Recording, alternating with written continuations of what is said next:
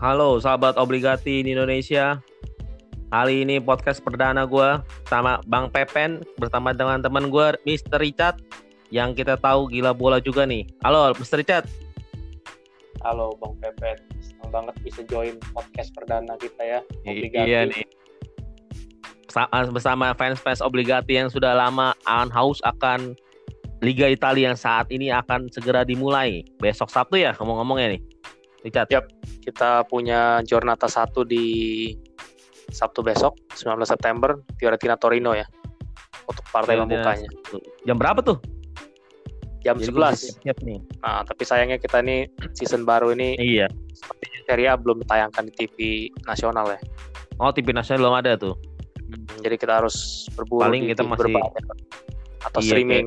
Streaming streaming zaman-zaman sekarang. Oh. Gua sampai ada yang cerita dia streaming di motor, streaming di pos kamling demi nonton ya gitu. Gue juga bingung oh, tuh streaming di motor jadi dedikasi. dedikasi tingkat tinggi. Iya, bisa streaming di motor segala. Gue bingung. Tifosi Serie A ya, benar iya. militan iya. mendukung timnya. Iya. Ya karena di Biasanya tengah... anak 90-an nih yang dukung klub-klub Serie A ya. Iya. Anak-anak tahun 90-an, coba anak-anak tahun 2000-an. Mana ada yang tahu AC Milan, mana ada yang tahu Inter Milan, Gak ada yang tahu mereka. Iya, udah beda eranya betul. Iya, mereka yang udah top-top semua lah Premier League lah. Lebih lebih lebih familiar sama begitu Premier League atau Liga Spanyol sampai papan atasnya tuh. Kalau Liga-Liga Serie A ketahuan lah. Kalau misalnya ada yang teman Liga Serie A berarti ya wah lu tahun 90-an lu, tahun 80-an nih temen-temennya Liga-Liga Serie A kayak gitu. Betul, pas masa jayanya ya. Golden iya, Generation Serie A-nya. Mana ada yang kayak gitu kita nonton Premier League paling ya nonton Serie A. Ngomong-ngomong Serie A. Premier League juga United dan Arsenal yang lebih dominan ya. Sekarang kan mereka iya. lebih banyak tim. Ya itu lebih, lebih banyak, banyak uang juga di sana. Iya karena money changer. Money bisa merubah segalanya. Betul. Ngomong-ngomong Serie A nih yang akan segera dimulai. Kira-kira gimana nih prediksinya empat tim besar nih? Apakah empat tim besar tahun lalu bisa mempertahankan gelar juaranya atau ada juara, juara baru? Gimana nih, Richard nih? Kalau untuk seri A musim depan sih kayaknya kata kekuatan uh. untuk top 4 mungkin dua klub yang musim lalu hmm. di top 4 masih tetap di top 4 dua lagi mungkin kalau prediksi gue sih harusnya ganti ya ada power shifting juga di Serie A. Karena beberapa hmm. klub kita tahu ada pergantian pelatih, ada juga yeah. Saat ini. Iya. Yeah. Uh, dan juga ada yang mungkin membuat sedikit keputusan berani. Jadi mungkin akan yeah. sedikit ada perubahan uh, posisi di klasemen nanti. Tim kejutan gitu. kayak Atalanta gitu udah nggak bakal ngejutin lagi? Apa udah ya jadi kayak mediocre lagi gitu? gue rasa sih Atalanta masih bisa sih setidaknya satu dua musim lagi untuk menyulitkan tim-tim tradisional lainnya sih. Cuma gue lihat benar-benar materi mereka ini tipis ya. Kemarin iya. sempat yeah. masuk di perempat final Champions League juga akhirnya kalah lawan PSG murni karena mereka fisiknya benar-benar kedodoran ya 90 menit dengan permainan high pressing juga. Lalu Tapi tim cadangan tuh, mereka bro. Juga. Kejutan, iya, kejutan mereka. Tinggi bisa sebagus Paling itu tuh. Sampai tinggi betul. Untuk ukuran debutan di Liga Champions itu prestasi yang benar-benar uh, memuaskan ya bagi Atalanta. Iya, luar biasa mereka ya kalah hoki juga sih lawan PSG kemarin. Betul. Sama PSG juga berpengalaman ya di Champions League itu. Jadi Atalanta kemungkinan nggak masuk Champions League, keluar dari area zona Liga Champions, masuk ke zona Europa League gitu, dan diganti oleh tim-tim yang hmm, gue rasa ada dua klub sih yang emang pergerakannya di bursa transfer sama persiapannya di preseason kali ini hmm. lumayan oke okay. kalau yeah. gue ya itu ada tim tradisional Milan sama Napoli oh tim-tim yang udah langganan banget gitu ya top 4 ya langganan kompetisi Eropa boleh gue tanya nih oh, tapi hmm, si Milan, Milan sih. jadi masuk paling ke top 4 ya Prediksi buat ranking 4 siapa dulu nih? Kita urutin yes, ya ranking 4, 3, 2, 1. Kira-kira menurut kacamata lu gimana, Cat? 4, 3, 2, 1. Kalau gue bilang ya di 4 itu kayaknya Napoli, Napoli. deh. Kenapa? Alat, Karena Gattuso. Sebenarnya sih banyak orang yang skeptis ya Itali. sama Gattuso betul. Iya. kali betul. Gattuso. Koli Bali. Pertama Gattuso-nya udah punya mental Hmm. betul.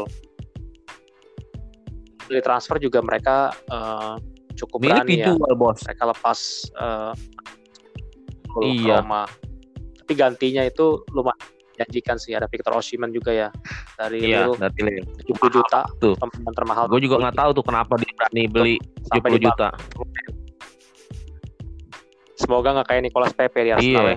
Mahal banget di kelas PP mahal kayak gitu ya. ya. Sama dari Lille Kurang, kurang kontribusi kalau gue. Iya. mainnya biasa aja betul. Cuma ini Napoli biasanya sih nggak sembarangan ya untuk eh, keluarin uang sebesar itu. Apalagi De Laurentiis Iya. kita tahu kan dengan kebijakan ketatnya dalam ngeluarin Agak duit juga. juga. Kayaknya bener-bener dia udah scouting banget betul. Kayaknya untuk saat ini sih eh, Napoli sih.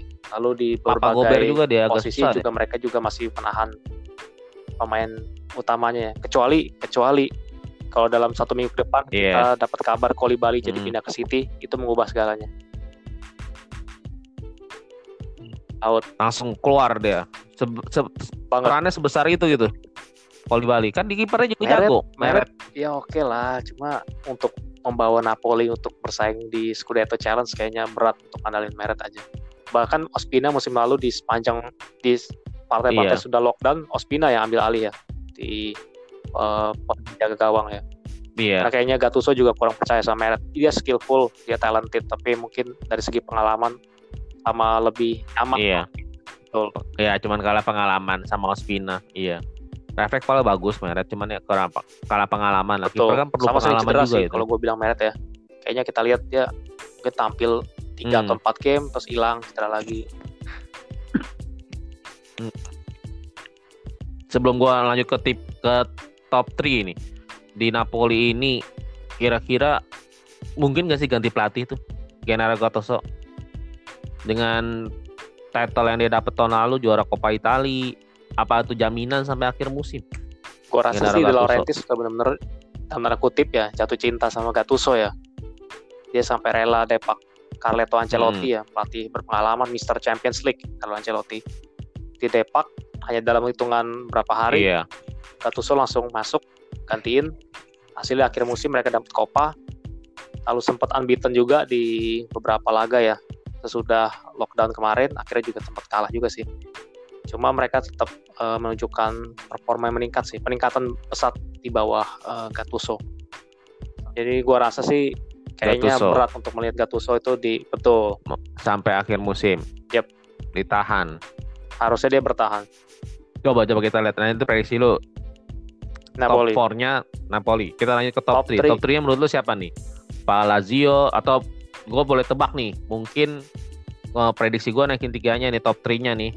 Mungkin gak nih kalau misalnya ya Inter Milan naikin tiga gitu. kayaknya Gimana, Bung? mungkin mungkin aja mungkin mungkin aja cuma kalau betul. Iya, karena kan kita masih prediksi nih kan. sih betul Juventus saya bisa aja turun. Bisa karena segala sesuatu masih, masih bisa. Mercato gitu. juga masih jalan sampai tanggal 5 Oktober. Gimana nih? Inter di ketiga mungkin Masih Inter jalan. mungkin. Iya. tapi Gimana nih? eh, menurut gua untuk runner up kayaknya nggak ada yang bisa ngunggulin Inter deh minimal Inter tuh top tuh Minimal dia top 2. Kenapa alasan lu kenapa nih? Inter gak mungkin ranking 3, dia pasti minimal top 2 atau mungkin Scudetto. Kan lu tahu juga Mercatonya dia yang mungkin hampir pasti Vidal si Vidal sama yang dari Real Madrid gue lupa si yang udah join dari Real belum join Madrid udah join Akraf Hakimi yang udah join ya? itu wingback kanannya Iya, Fakimi. Iya itu. Kolarov Terus sama Kolarov. Gue liat Mercatonya mereka. tuh. Iya, gimana? kalau gue bilang sih eh gue prediksi Inter dulu nih atau peringkat tiga dulu Iya. Peringkat 3 menurut gua Inter feeling gua Inter Milan tapi kata lu menurut bukan Inter, ya. Nah, eh, top 3 nanti Inter. Nah, kalau menurut lu Menurut gua top 3-nya siapa? itu AC Milan. Biar bagaimanapun, bagaimanapun ya udah berbenah ya Milan. Oh, ya. mereka naik ya dari zona Eropa dan mereka Ya, naik ke Liga Champions berarti. Udah Iya, pasti udah berbenah. kok. Stefano Pioli pasti Sebenarnya Pioli juga banyak yang skeptis ya Apalagi- sama Pioli, tapi kayaknya mainnya bagus. Pertama man management dari Pioli bagus. Apalagi mereka iya. Apalagi siapa yang gak kenal Lord Ibra tuh. Ibra 39 tahun, betul. Mereka ada senjata. Tapi masih oh. bisa menunjukkan iya. skill Mamukai betul. Tapi pengalamannya itu bro luar biasa. Itu... Dia sampai bilang ada statement yang gue baca tahun lalu tuh kalau misalnya gue main dari musim pertama gue Scudetto. Wah, itu berarti bisa jadi banget. Karena emang Serie A kita tahu taman bermain Ibrahimovic ya. Setiap kali Serie A cuma satu musim iya. di 11 12 yang um, dia gagal untuk uh, Scudetto sama AC Milan saat itu ya. Di lainnya mereka menang. Bener banget, bener banget. Jadi bilang AC ketiga. Milan ketiga gitu ya. Ketiga Inter. Kalau gua tuh keempatnya ini AC Milan gue mah bukan di tiga dia di okay. AC Milan bukan di tiga AC Milan bagi gue mungkin ranking empat karena dia lagi berusaha naik ke top performnya dia atau uh, zona biasanya dia bermain di area Liga Champion jadi mungkin kalau menurut gue dia top 4-nya dulu dengan pembelian Tonali yang baru masuk join ke AC Milan mungkin ya pasti berbuat lebih bagus dibanding musim lalu kalau bagi tapi gua, lu yakin Tonali bisa top 3 bagi gue hmm, kenapa kalau ngangkat Milan mungkin mengangkat Ibra bukan mengangkat Milan. Kalau gue bilang faktor utama tetap Ibrahimovic kalau okay, gue bilang ya berarti nggak Tonali ya cuma Tonali ya mungkin mendukung iya. aja kali ya faktor mendukung Tonali hanya ya pung ya faktor Ibra tuh no karena gue nonton beberapa game Brescia nih musim lalu. Eh gue liat Tonali itu yeah. biasa aja gitu skillnya. Wah, hati-hati loh. Tadi kerbutin sama fans-fans Tonali nih mungkin gue yang salah tapi menurut gue kayaknya biasa aja gitu kan, nggak, ya, nggak, ya, gitu apa uh, spektakuler gitu dari segi kayak permainan ya Ya, Rising Star, new midfielder, new Pirlo, banyak pada gue baca Tapi sendiri Tonali sendiri justru mengklaim dirinya lebih mirip Gattuso dari segi gaya permainan. Betul, sampai Gattuso. minta nomor 8, betul. Karena nomornya 8 deh. Harus tuh Gattuso dulu dia, minta nomor 8 karena gue bilang paling Milan nih top 4-nya Milan kalau bagi top 3-nya Inter. Lalu top 3-nya Milan di top siapa 3. nih Pak? karena top 4 gue gue taruh Napoli. Ya, Napoli. Berarti top 2-nya nih lu siapa nih? Apa juara bertahan atau tetap rank top 2 tahun lalu Inter Milan atau gimana nih menurut top Kalau gue sebut top 2 berarti langsung ke top 1 karena hanya ada dua dua yeah. klub yang menurut gue emang hanya apa uh, pantas buat berebut Scudetto ya musim depan. Itu yes. Juve dan Inter pasti ya. Cuma kali ini mungkin urutannya berbalik. Mungkin yang musim lalu peringkat dua jadi ke satu, yang satu oh. kedua selisihnya juga New ya, champion nih jadi jadi uh, selisihnya juga mungkin hanya jarak 2-3 poin aja. Cuma kembali ke urutannya.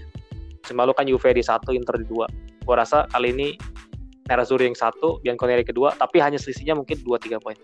Itu nggak akan nggak akan jauh.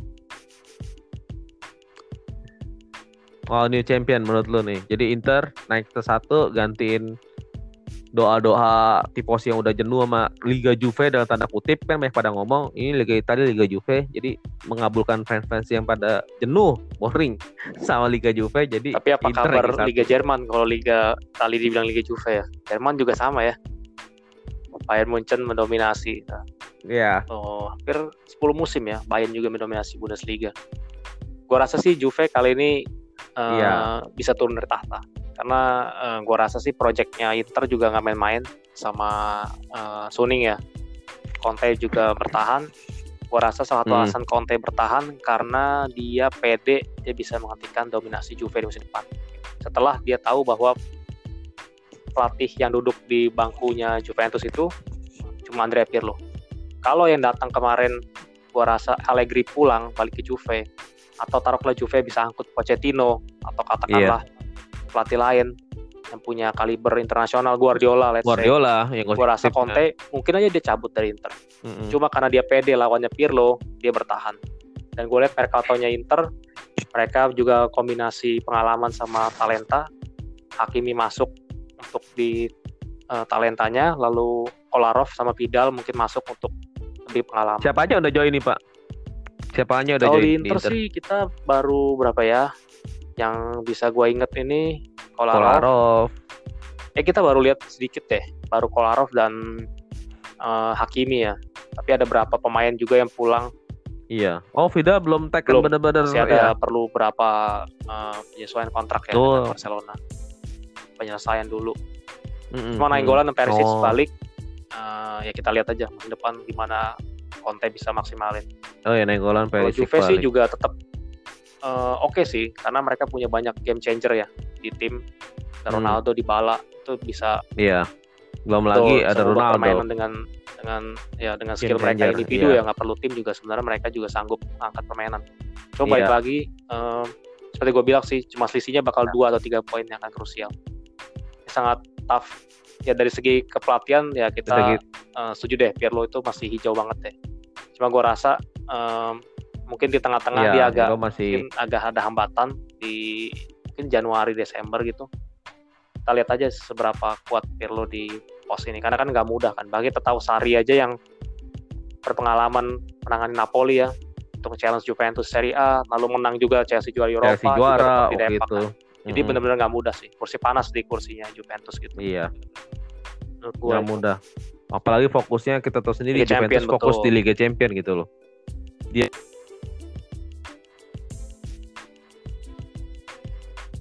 sampai udah diwanti-wanti ini terakhir tentu tetap di Juve. Betul. Karena ya tahu sendiri dari faktor umur. Ya nggak memungkinkan Ronaldo tetap terus bertahan di Juve sampai dia angkat Liga Champ uh, Liga Champion. Dan dari Gianluigi Buffon pun juga dia juga musim terakhir ini di Juve. Oh, benar ini ini beneran terakhir atau berapa? balik lagi nanti Buffon? Tergantung, makanya jadi kayak mau dikabulin lah ibaratnya dalam tanda kutip ah, dia terindah buat Buffon, tapi ya balik lagi nggak tahu kita ke depannya gimana. Karena ambisi mereka tetap nomor satu di Champion. Yang gue pernah baca sih begitu. Tapi ya masih fokusnya deh ke, kayak kebelah gitu. Karena fokusnya Juventus emang Liga Champion. Takutnya ya mereka kurang concern di Liga Italia. Sehingga memungkinkan ada new champion. Atau bahkan yang kejutan yang lain dari tim yang kita sebutin tadi pada tim 3, tim 4 siapa tahu ada kejutan. Dan ngomong-ngomong nih Lazio ke mana pak? Bapak nggak masukin Lazio? Lazio wah. Mohon maaf nih Kemarin hampir Scudetto loh. Gua nggak bisa. Itu. Biasanya menurut gue Lazio salah satu yang akan flop di musim ini. Gue takutnya kayak gitu. Habis. Habis. Dia flop. Yes. Lu taruh Lazio di posisi berapa musim depan? Menurut lu nih? Lazio sih kalau gue bilang dia ya posisi 5 di bawahnya AC Milan kalau bagi gue. Wah, malah posisi 5. Lazio. Oke. Okay. Iya. Gua taruh dia di ya. Tapi masih zona Eropa, masih betul, UEFA. Betul. Karena balik hmm. lagi ya skuadnya tipis ya kayaknya. Kemarin kita nyaksin Lazio kedodoran setelah ya, uh, Januari ya, kedodoran. ya. mereka pas, pas pandemi betul. iya. Habis pandemi lockdown habis mereka kayak bensinnya habis kayak mereka nggak bisa amunisi mereka cadangan mereka tidak bisa memumpuni tim utamanya gitu. Betul, apalagi mobile benar-benar harapan golnya cuma dari Immobile ya. Pemain lain juga kontribusi ya, golnya harapan cuma Immobile. Uh, agak jauh gitu dari Immobile. Ini banget kurang support kayaknya. Betul. Tim-tim second line-nya juga kurang kurang menjawab. Jadi Lazio kayak terdepak dari zona Liga Champion ya Pak ya? Gua rasa gitu. Apalagi mereka sekarang ada komitmen juga ya Liga Champion musim ini. Nah itu gua rasa yeah. mereka membagi bagi tim apalagi main setiap uh, satu minggu dua game ya di midweek ada Liga Champion, di akhir mm -hmm. pekan Serie A gua rasa mereka oh, keteteran lebih parah, lebih parah mungkin betul. Apalagi nggak ada yang gue bingung nih kok masuk Liga kacau concernnya tuh. Betul. Ini bisa jadi kayak siapa Masih ya? kasus-kasus kayak Udinese gitu kita ingat mungkin di 2000-an 2005 iya. 2007 gitu masuk Liga Champions benar-benar iya. keteteran karena nggak bisa bagi waktu dan keteteran bonyok gitu betul. dia nggak bisa dia masih eh, masih yang ada perlawanan ya Atalanta, Atalanta. Oh, musim 2019 2020 ini luar biasa mereka. Betul. Karena emang Gasperini masih udah, kelihatan. Yes. Taktiknya sangat bagus ya Atalanta di tahun ini. Berarti lu prediksi uh, top 2 Juventus. Yes, untuk second place Dengan mereka mereka Juve. dari pelatih baru new new new coachnya terus new eksperimen yes, baru rasa gitu. Andrea Pirlo hmm, Mercato mereka sejauh ini Kulusevski ya Mas masuk.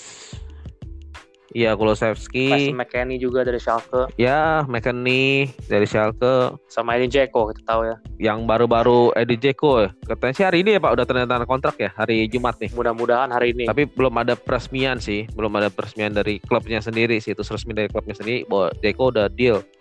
Tapi Dan yang bingung ke satu gua. Di Suarez juga sama ya. Satu hal bikin gue bingung.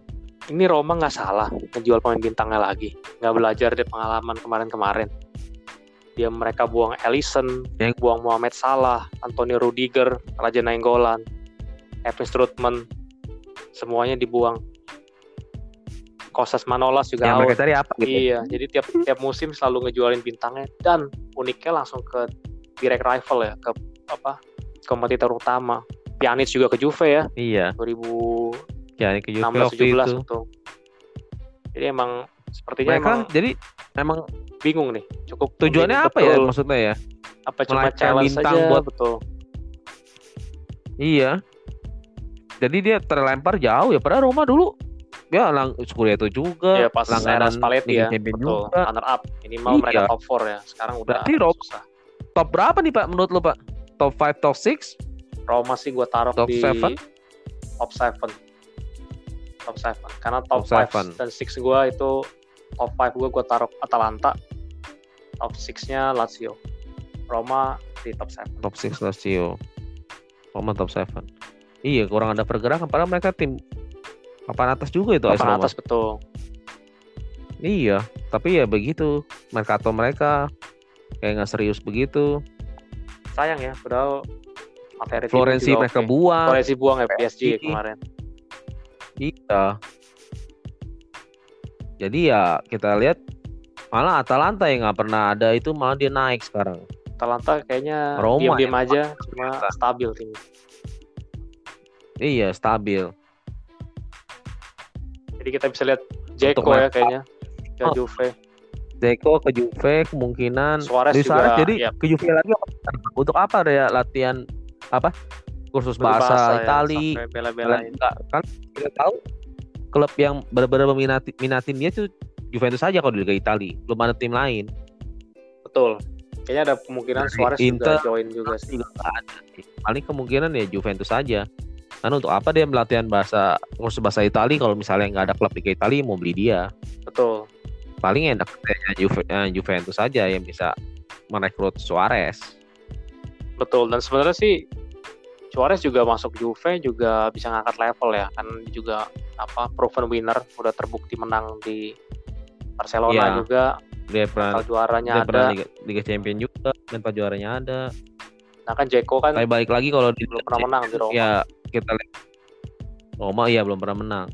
Liga Champion kayak tim-tim Italia ini ya kayak musim musim ini.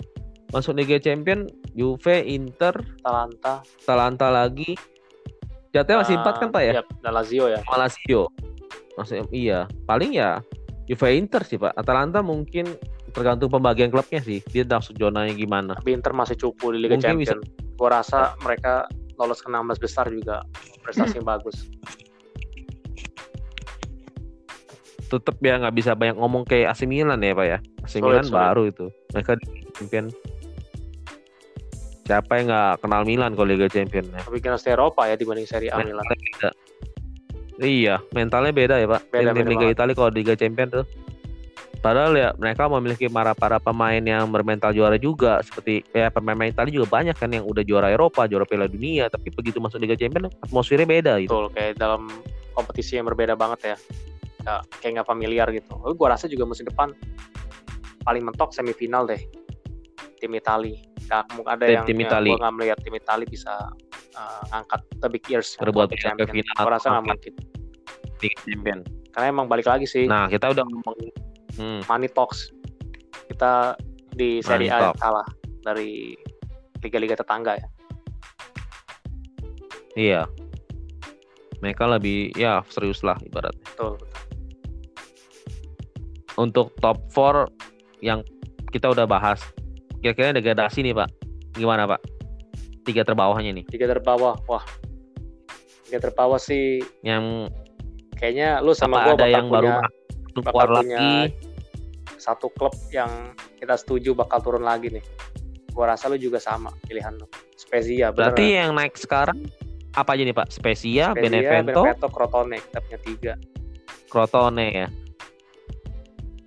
Tapi gue rasa kemungkinan Spezia turun pertama. Tiga bisa spesial lagi turun pertama karena mereka kurang pengalaman ya Pak ya kalau gue lihat. Perdana kan di Serie A juga. Ya.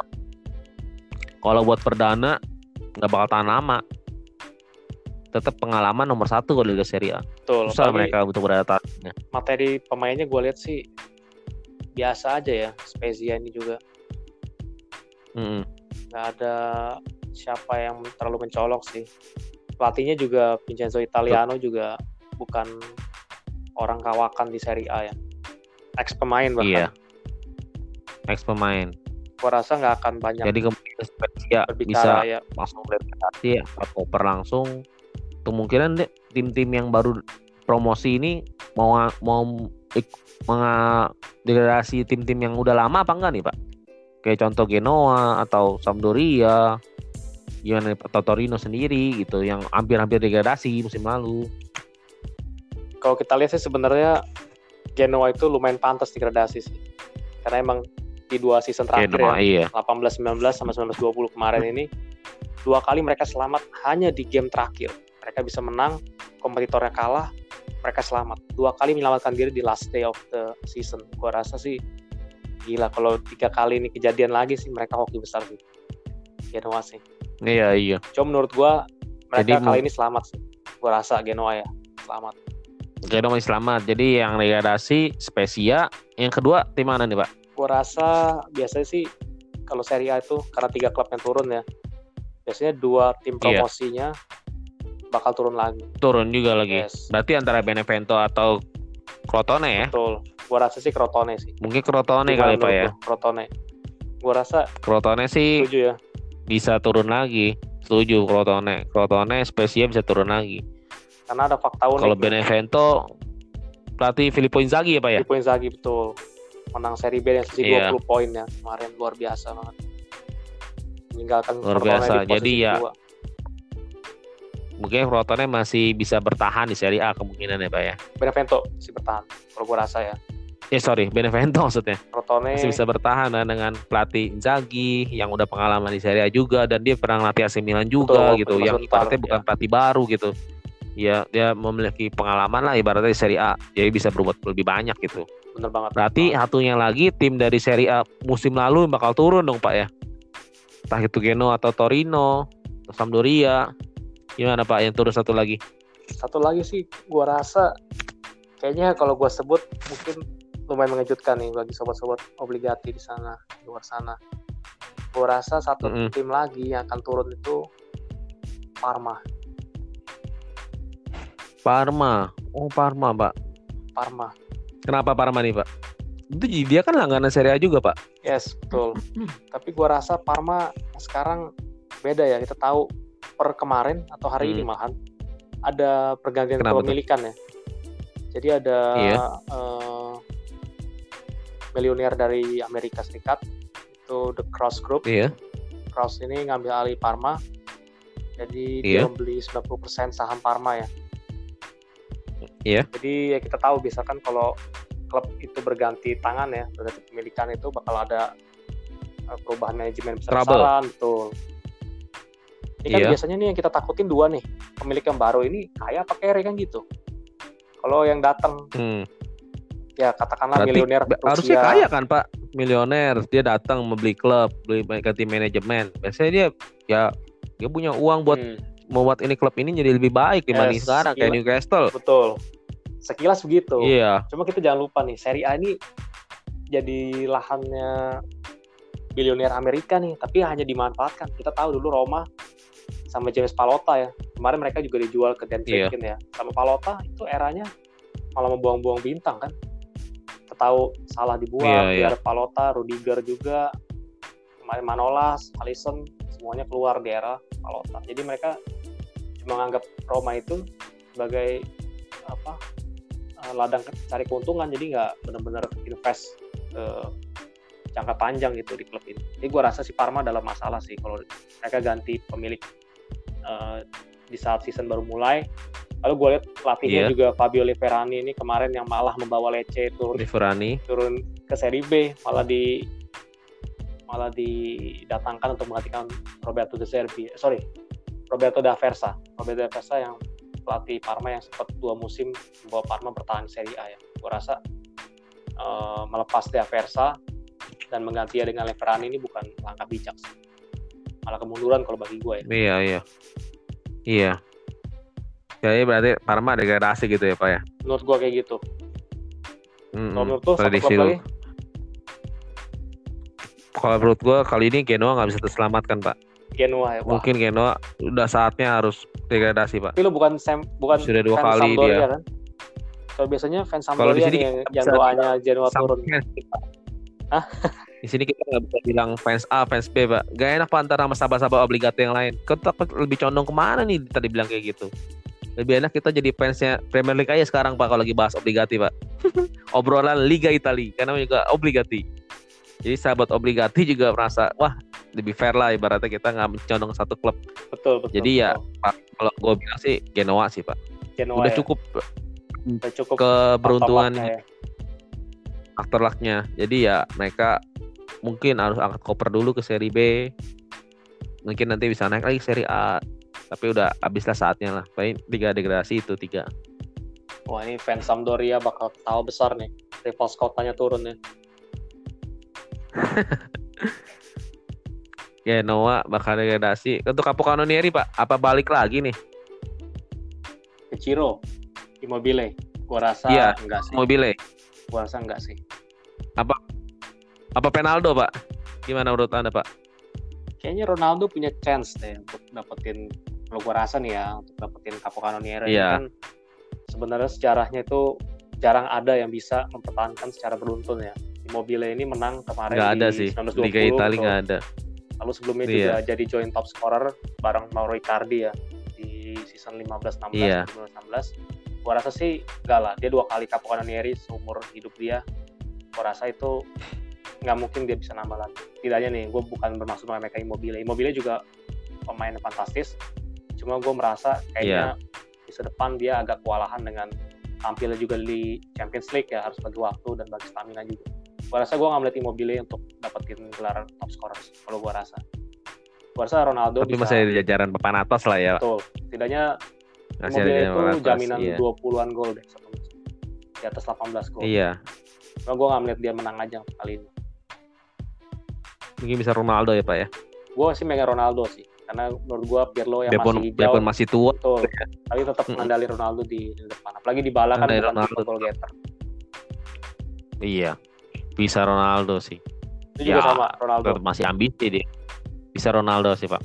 Yes gua rasa Biarpun dia umur udah segitu tapi ya dia dia tipe-tipe pemain game changer yang ibaratnya nggak butuh siapa dia sendiri juga bisa ngasilin gol atau dia bisa kontribusi sama timnya itu. Itu tipe-tipe Ronaldo kayak begitu. Betul. Kecuali emang nanti di Mercato ini Suarez masuk. Nah itu baru mungkin kita mungkin bisa lihat. ada pembagian iya, gitu ya? betul. ya, ada Suarez juga. ya, Ronaldo dalam tanda kutip disuruh menservis Suarez lebih banyak kan? Bisa jadi kemungkinan kayak gitu. Tapi iya, untuk saat ini ada porsi gue masih pegang bagi Ronaldo. dua. Karena kita belum tahu Mercatonya kan belum kelar ya sampai Tuh. Oktober ya Pak ya? 5 Oktober kita baru tutup ya. 5 Oktober baru tutup ya nanti kita lihat aja nih gimana nih perkembangan selanjutnya di podcast berikutnya nih Pak. Betul, episode Thank you 2. nih, Icat. Oke. Okay. Ya, episode 2 nanti setelah pertandingan kita akan ulas lagi gimana sahabat obligati di pakannya pertama ini menyaksikan Liga Italia dan gimana nanti hasil-hasil yang akan sangat mengejutkan semuanya. Nanti kita akan lanjut lagi di podcast kedua. Mr. Richard. Yo. Thank you ya thank you untuk podcast pertama ini episode pertama kita. Iya, oke siap. Kita lanjut ke episode kedua kita. Ini namanya episode perdana dan semoga sahabat obligati dapat menikmati, dapat enjoy dan terus dukung selalu podcast kita sahabat obligati. Thank you semuanya. Grazie. semuanya. Grazie.